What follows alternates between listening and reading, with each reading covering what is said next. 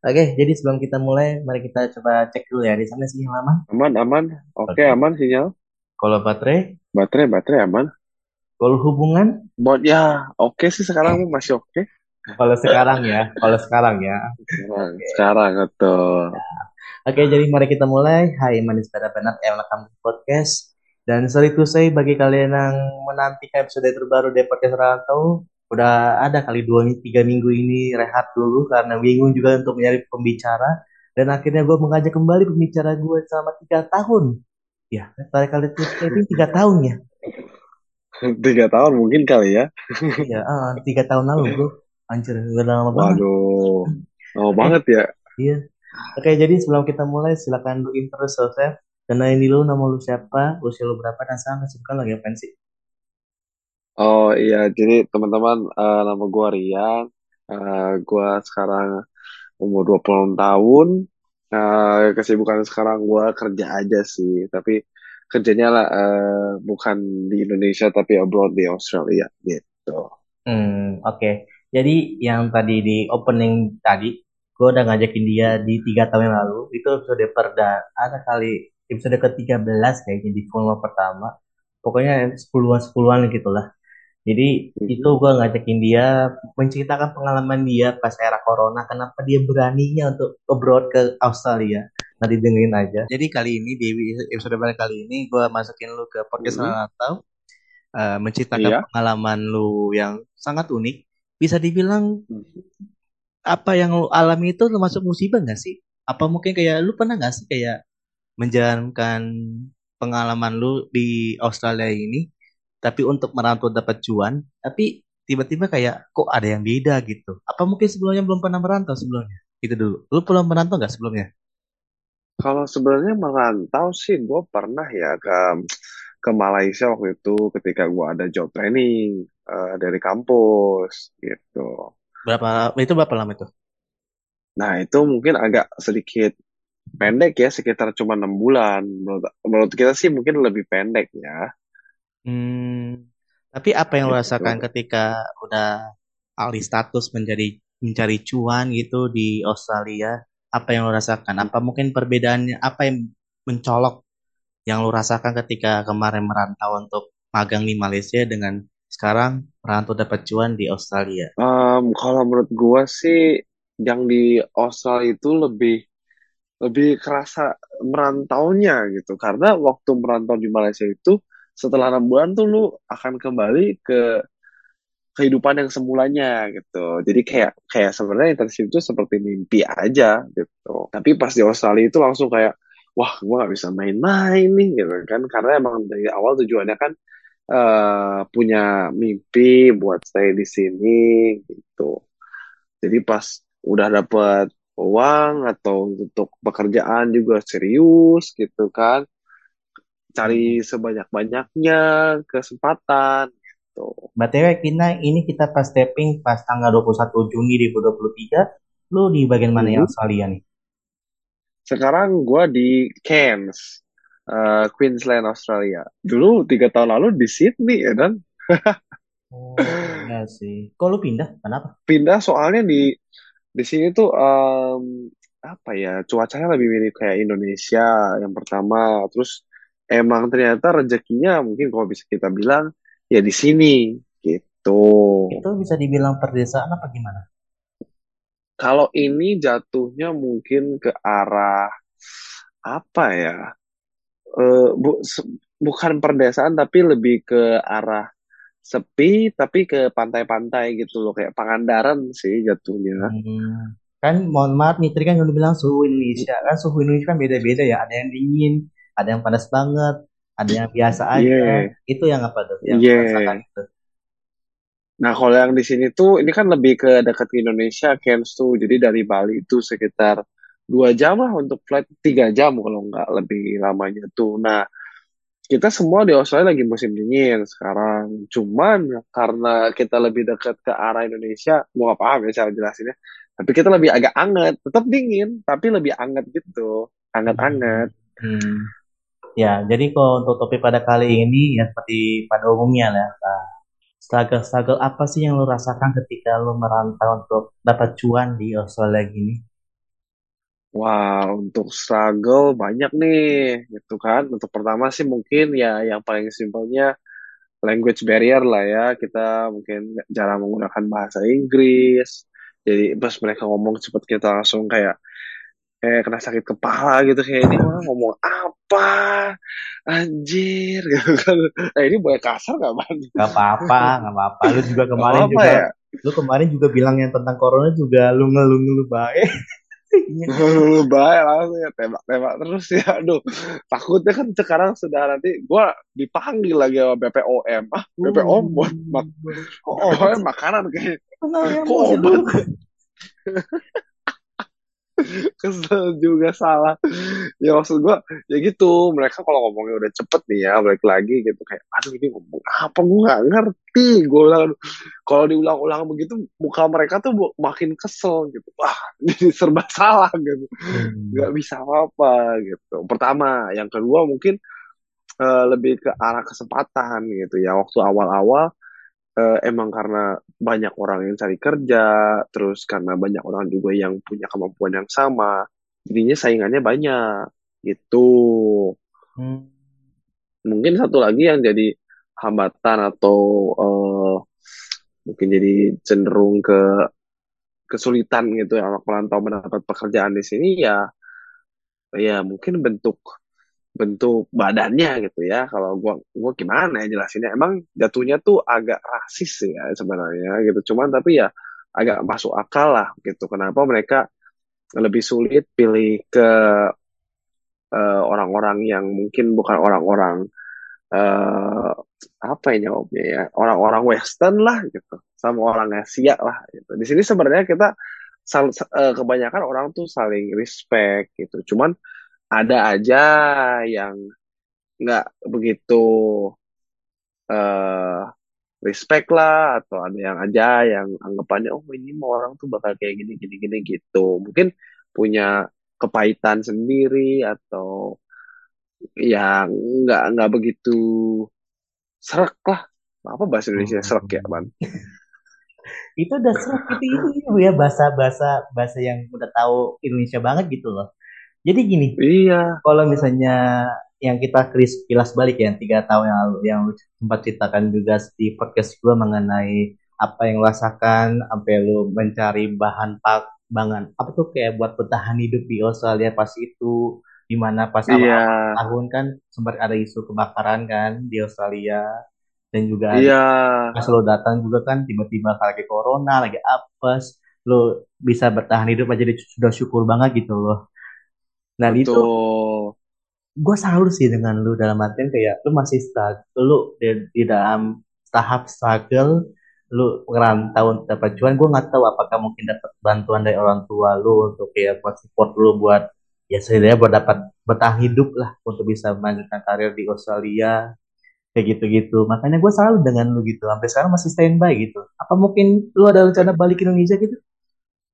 Waduh, thank you bro untuk eh, apa ya kesanjungannya tuh jadi jadi nggak enak dia ngomong gitu. Tapi gua rencana balik sih ada, cuman mungkin sekarang-sekarang sih belum kepikiran untuk menetap lama di Indo gitu karena eh, balik sih sebenarnya kemarin kita udah udah aku udah pulang selama dua minggu Desember gitu. Cuman oh iya, cuman udah gitu kita ke sini lagi karena di sini kita masih ada yang harus diperjuangin dulu nih gitu.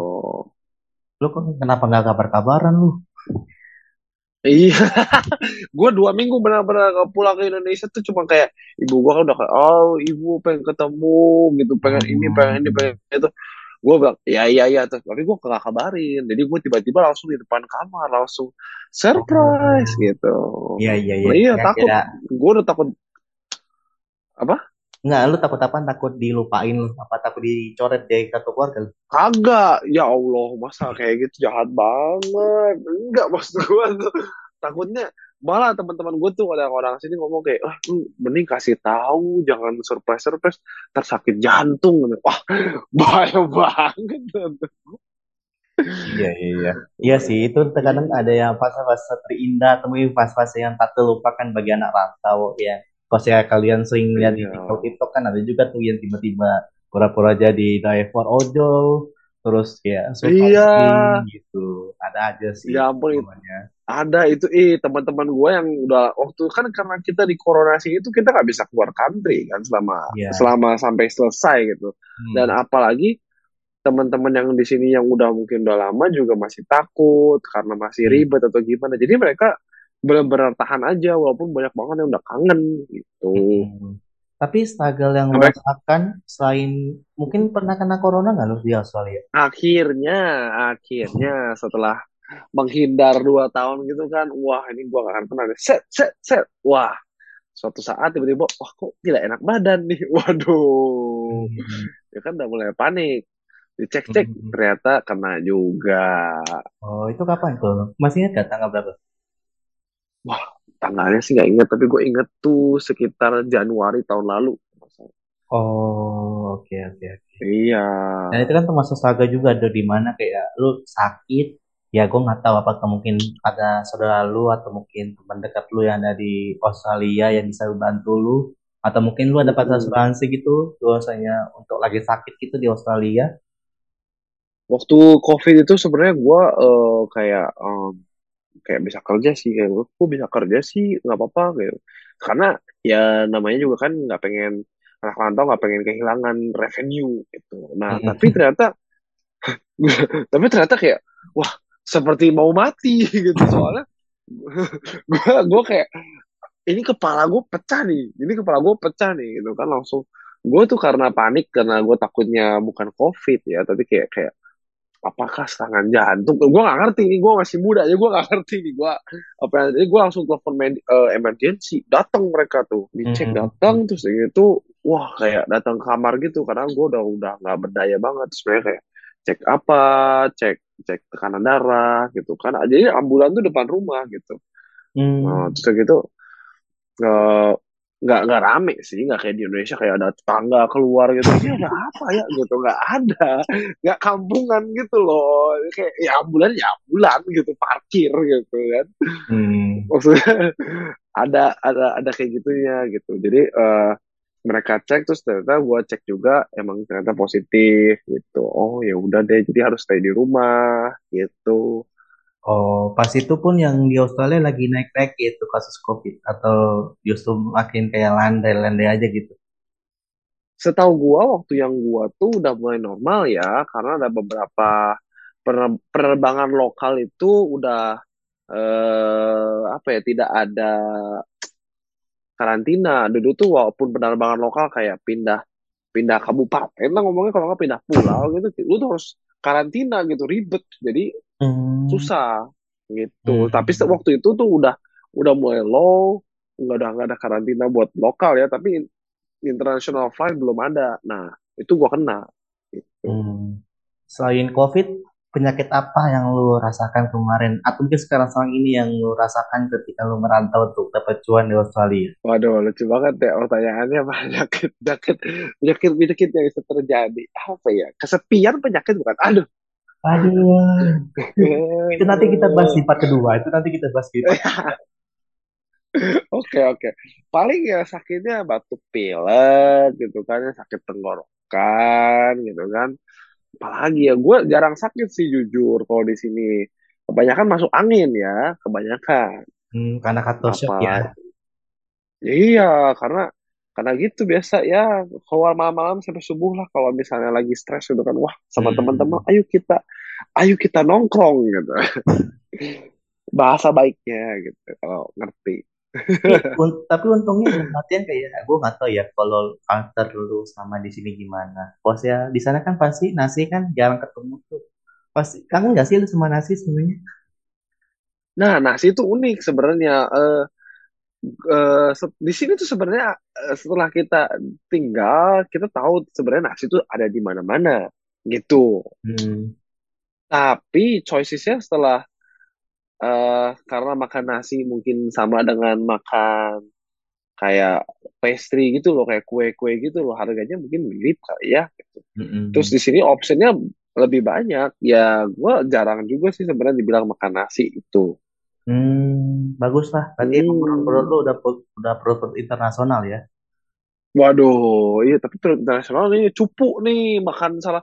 Waktu gua pulang ke Indonesia dua minggu, hari ketiga langsung apa ya keracunan makanan bos. Wah, hari ketiga cupu banget. Gua makan cakwe sama itu pop ice anjir cakwe sama pop ice ya Allah pengen nangis tiga tahun gak makan. Uh, Iya, kan balik lagi kata stok. Perut lu juga kata stok. Saya gini loh.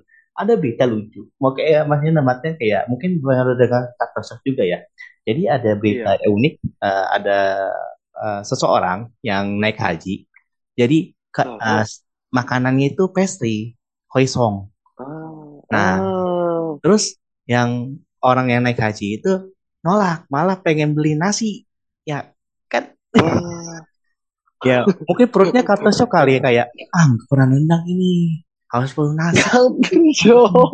Mm-mm. dan perut lu emang lucu ya? Popeyes aja Popeyes aja itu masuk keracunan makanan. Apa apaan tuh perut lu? Eh anjir ini nggak bohong ini beneran loh. Ini pengalaman terburuk untuk para backpacker yang sudah tidak pernah pulang gitu ya. Terus tiba-tiba pulang. Coba tiap hari kalian latihan pelan-pelan gitu. Makan dulu eh, nasi kuning restoran 150 ribu gitu. Nah itu kan bersih gitu ya. Hmm. nanti udah kuat udah lama di Indonesia sekitar 3 4 5 hari baru makan nasi kuning 10 ribu. Kalau nggak sakit hebat. Iya, Gua langsung sakit ban tiga hari. Habis itu tiga hari, hari keempat, hari kelima, gue cuma diranjang. anjir. Berarti jatuhnya kalau dulu berarti jatuhnya kalau lu kemarin liburan dua minggu kebanyakan sakit ya ya daripada kegiatannya ya Itu dia, gitu. Dikit-dikit tiba-tiba masuk angin. Aduh, kenapa sakit lagi, kata gue. Di Indonesia ini susah. Sakitnya cepet. hmm iya sih terus yang hal menarik yang entah kenapa kepikiran untuk ngajak kolaborasi lu lagi lu pernah ketilang itu lucunya bener kan Aduh, ini dibahas boleh. Iya, ini lucu nih. Tilang-tilang nih. Ya itu masuk struggle, struggle di mana anak rantau yang di mana kayak nggak tahu peraturan di atau nggak gue nggak tahu ya mungkin peraturan atau gimana lu tahu atau enggak tapi kayak lucu aja gitu ketilang gitu gimana coba ceritain lo So, jadi kalau ketilang tuh sebenarnya gue udah paham kalau ketilang tuh rasanya gimana gitu. Cuman yang pas kemarin gue upload tuh lucu aja karena di case ini gue dari kemarin untuk uh, mobilitas beli motor gitu. Nah untuk ketilang gue pernah ketilang mobil waktu pakai mobil temen gue gitu. Itu sebenarnya sesimpel lu kecepatan naik mobilnya tuh lebih 10 kilometer per jam gitu. Seki- Sekitar segitu lu bisa ketilang di sini. Nah, kemarin tuh gue lagi naik motor kan. Di, di daerah itu gue tahu tuh ada kamera. Jadi nggak semua ada kamera. Nggak bisa lu kayak ketilang tiap kali gitu. Tapi ada beberapa daerah yang ada kameranya gitu. Ada beberapa daerah ada yang polisinya diem, taking foto gitu loh, pakai speed camera gitu.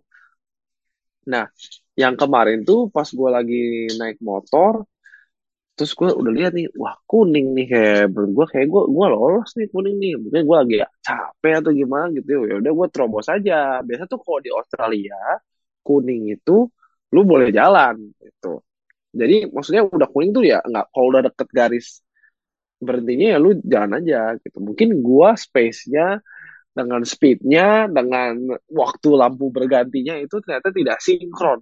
Jadi begitu merah gue lewat. Jadi kameranya pasti otomatis jepret gitu loh langsung seret udah kena lah jadi gini ban sebenarnya uniknya tuh motor gue juga susah banget ketilang. Karena teman-teman gue yang punya pakai motor suka ketilang. Gue kayak oh, Hmm. kenapa? Mungkin mungkin motornya besar. Motor gue tuh kecil kayak Honda Beat gitu loh lebih kecil lagi gitu. Hmm.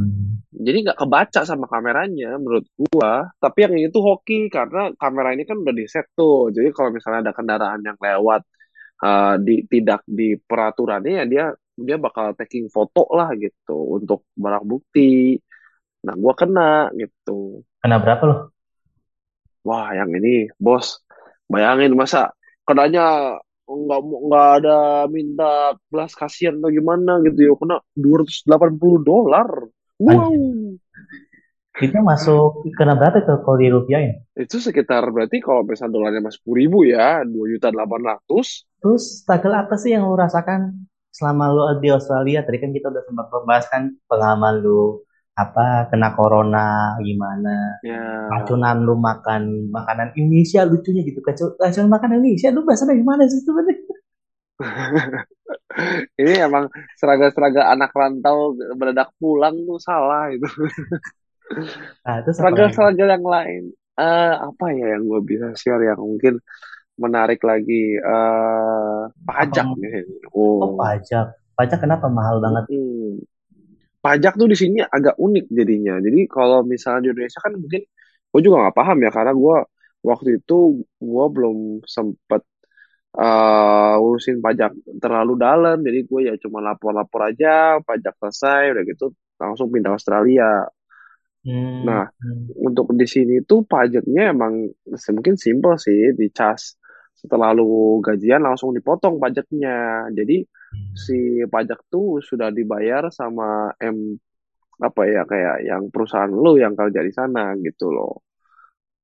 Tapi lu merasakan struggle di mana kayak buat membeli ba- apa tuh bahan makanan, lu harus membandingkan eh, mata duit Indonesia dengan mata duit di Australia nggak? Merasakan diri itu juga nggak? Oh, waktu awal-awal iya, waktu awal-awal. Udah kayak wah ini gimana ya, ini berapa ya? Gitu kan, ini wah ini kemahalan ya gitu.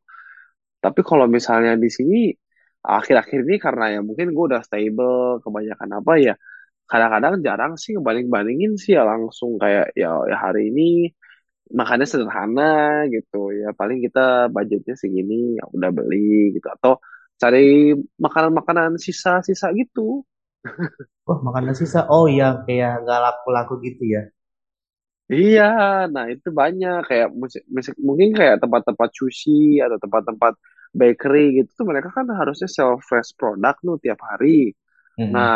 begitu mereka mau tutup, mereka tuh kayak quick sell gitulah barang-barang yang dari hari itu. Hmm, oke oke. Mm-mm. Soalnya gue juga penasaran nih dari diri gue dalam gue sendiri. Soalnya gue juga banyak teman-teman gue yang udah kerja di Australia juga pakai namanya Iya, adalah working visa holiday. Lu pakai gitu juga nggak? iya kemarin selama gua COVID selama tiga tahun yang lalu gua pakai visa itu. Oh, terus itu Mm-mm. pada, pada akhirnya juga diperpanjang juga tiap tahun. Iya, jadi yang gue tahu itu eh, mereka maksimal diperpanjang setiga tahun, tapi untuk peraturan di tahun ini atau tahun depan itu ada isu mungkin untuk ke depannya working holiday itu hanya bisa setahun, Hmm, jadi turun. Iya. memang biasanya berapa tahun? Nah, waktu zamannya gua, terus sebelum setelah buka international flight dan sebagainya, itu sampai tiga tahun, bro. Oh, berarti ini jatuhnya ini tahun terakhir loh, Bang. Eh, iya, kalau kalau gue sebenarnya gue kemarin tuh karena ada COVID waktu gue sebelum gue sampai di sini. Nah, eh, maksudnya setelah gue sampai sini ada COVID, gue tuh dapat visa gratis dua tahun.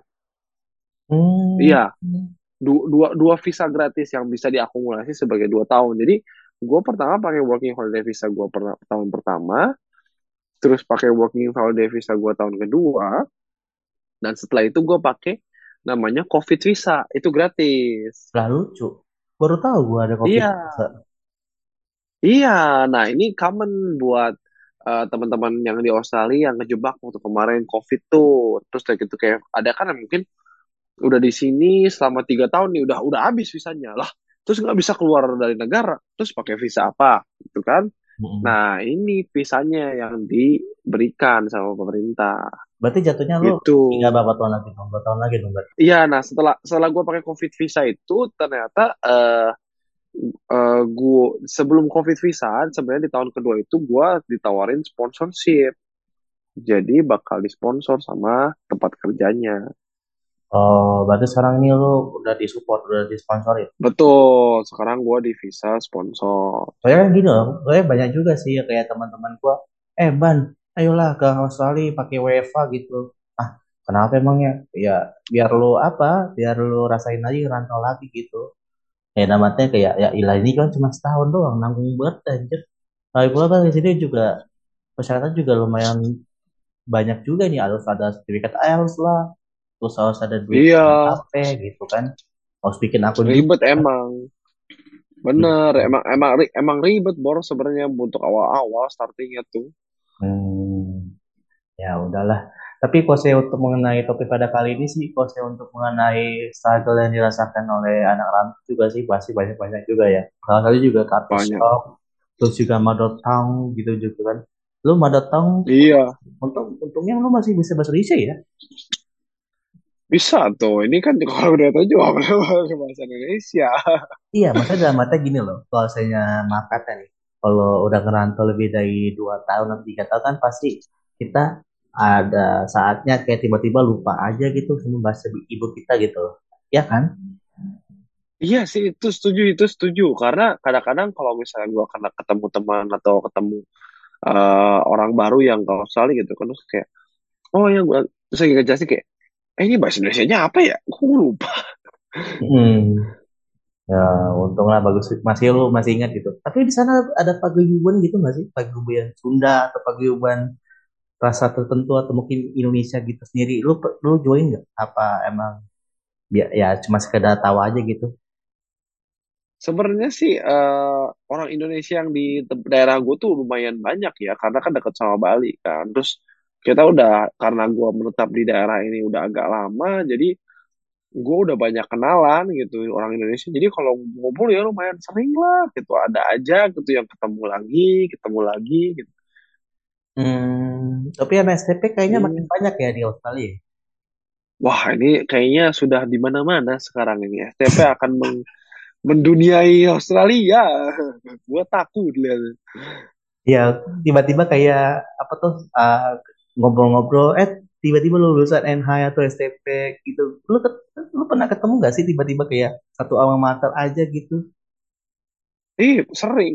S- kayak apa ya? Bukan sering kayak, tapi kayak, wah, ini oh, kita kurang ketemu oh, STP Bali ada, ketemu Hmm. STP mana ya? Kali bukan Kalimantan, ada satu lagi lah pokoknya cabangnya itu. Gua ketemu Palembang. Palembang, ada. Eh, gua kemarin ketemu lu Palembang lu, waduh, Hmm. lucu bor, lucu.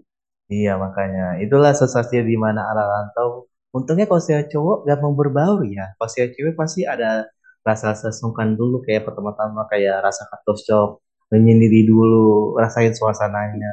Kalau saya cowok ya kalau saya gabut ya udah ngobrol aja gitu kan. Iya benar-benar ngobrol aja emang mau ngobrol apa lagi gitu kan kayak bingung gitu ya kalau nggak ngobrol ngobrol lah Hmm. Tapi lu pernah ngerasain itu nggak jet lag gak sih? Wah jet lag, wah sering nih jet lag, pusing kalau jet lag tuh ban kayak waktu yang setelah gue pulang dari Indo gitu kan nyampe sini kayak, duh gue bingung, bingung lagi gitu kepalanya. Emang bata kalau perjalanan lu dari Indonesia ke Australia kemarin tuh berapa jam perjalanannya? Kalau yang dari eh, balik tuh karena gua nggak ke Bali dulu ya, jadi agak lama. Sekitar gua tuh pergi eh, waktu kemarin jam 7 malam dari bandara yang Jakarta.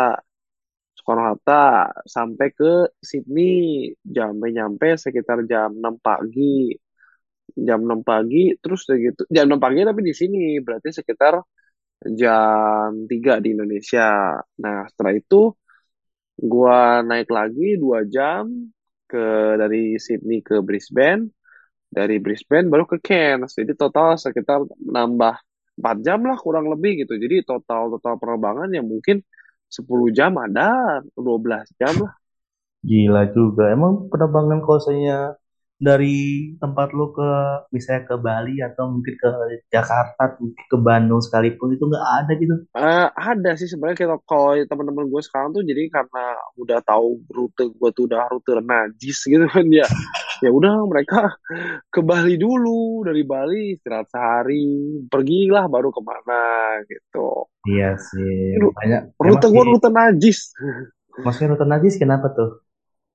Capek bos capek banget Oh, anjir eh hitungannya kayak jalur Jakarta Bandung 3000 ya, kayak lewat KL doang ya, lewat kereta doang. nggak kayak Oh eksekutif benar. kayak lewat apa tuh eh, naik travel gitu-gitu ya Iya benar bos. Kayak, Hmm, duh, muter gitu. Padahal maksudnya kalau misalnya lu ke Bali tuh sebenarnya udah langsung nyampe Indonesia walaupun nggak langsung ya. iya sih oke ini untuk menutupi part pertama pada kali ini lu coba kasih Iya. kesan kesan lu selama bisa dibilang tiga tahun untuk merantau dapat cuan di Australia itu seperti apa kesan lu dan coba kasih pesan bagaimana caranya biar bisa menghindari struggle-struggle yang dirasakan oleh anak rantau lagi yang udah pernah rasakan gitu silakan Oh, boleh. So, jadi teman-teman kesan pesannya dari saya yang udah di sini untuk sekitar tiga tahunan lah di Australia. Um, senang sih di sini gitu. Lu bakal punya pengalaman hidup baru, struggle-struggle yang mungkin berbeda daripada Indonesia. Terus orang-orang yang bakal lebih respect lu dan menghargai personal space lu. Uh, itu bakal jadi yang gue senengin di sini gitu karena nggak setiap orang kayak ngurusin hidup lu lah terus kalau misalnya pun lu bikin kesalahan di sini mereka tuh nggak kayak eh ngejolokin lu atau mungkin misalnya bikin lu kesusahan untuk karir dan sebagainya gitu. Karena di sini menurut gua mereka salah satu salah- saling ngerti satu sama lain lah ya eh, untuk toleransinya lebih tinggi gitu. Walaupun emang mereka hidupnya lebih ke individualis tapi orang satu sama lain tuh saling tahu gitu kalau tiap orang tuh berbeda. Lalu nggak bisa klaim orang itu jahat atau jelek dari eh, cara mereka hidup berpakaian atau gimana. Yang penting ya kalau orangnya tidak ganggu terus saling membantu ya kita bisa bantu juga gitu. Terus kalau untuk saran-sarannya sih sebelum ke Australia untuk biar sukses cari rezekinya di sini ya kalian bangun strategi dulu. Selain koneksi juga penting, tapi kalian juga harus bangun strategi gitu. Kayak di sini kalian tuh uh, apa yang dicari, kalian harus tujuannya harus jelas. Terus kalau yang dicarinya ini harus jalannya ke mana dulu. Misalnya kalian ingin cari uang banyak, berarti kalian pergi ke kota-kota yang memang bisa menghasilkan uang yang banyak gitu. Kalau memang tujuannya travel ya kalian ke kota-kota yang kalian mau travel. gitu. Tapi kalau kalian mau stay di Australia ya kalian harus pikir pekerjaan apakah yang harus dilakukan, terus ke daerah manakah yang bisa mendapatkan poin lebih banyak untuk stay gitu. Sarannya sih banyakin research sama plan. Jadi sebelum ke sini kalian udah tahu apa yang kalian mau lakukan, bukan menyerahkan diri dan eh, keberuntungan di sini nantinya gitu. Untuk anak sih yang mau gua ingetin ya untuk yang mungkin gua lupa yang selama ini ya kalian jangan lupa banyak berdoa, telepon orang tua, masih keep in touch sama teman-teman yang di Indo gitu. Jangan sombong, bantu ya orang lain gitu. Jangan merasa eksklusif lah. Oh, gue udah di sini lama ya, lu bukan siapa-siapa gitu. Jangan, tapi bantulah teman-teman satu sama lain. Tapi jelasin juga kalau misalnya memang lu sibuk ya mereka eh, harus ngerti lah gitu. Eh, kondisinya lu nggak bisa bantu full. Gitu. Tapi jangan sombong, bantu satu sama lain gitu. Itu yang paling penting. Iya, apalagi kalau misalnya lu tahu kan banyak juga tuh kalau saya lu slim uh, mampir di TikTok banyak pengumuman-pengumuman anak-anak kayak anak SMA bahwa menjadikan uh, studinya ke kuliah atau malah ada sampai kepikiran buat ke Australia gitu tiba-tiba mau rantau dan tiba-tiba terlintas dengan episode pada kali ini dan mencita dan sempat dengerin juga pengalaman dari orang ini si Rian Christian Mulyono dan thank you bro Wow, ini part pertama sangat Sama-sama. lumayan panjang. Nanti kita lanjutin lagi ya, part kedua ya. Kalau saya kalian penasaran, Boleh. nanti dengerin aja di podcast tetangga ya.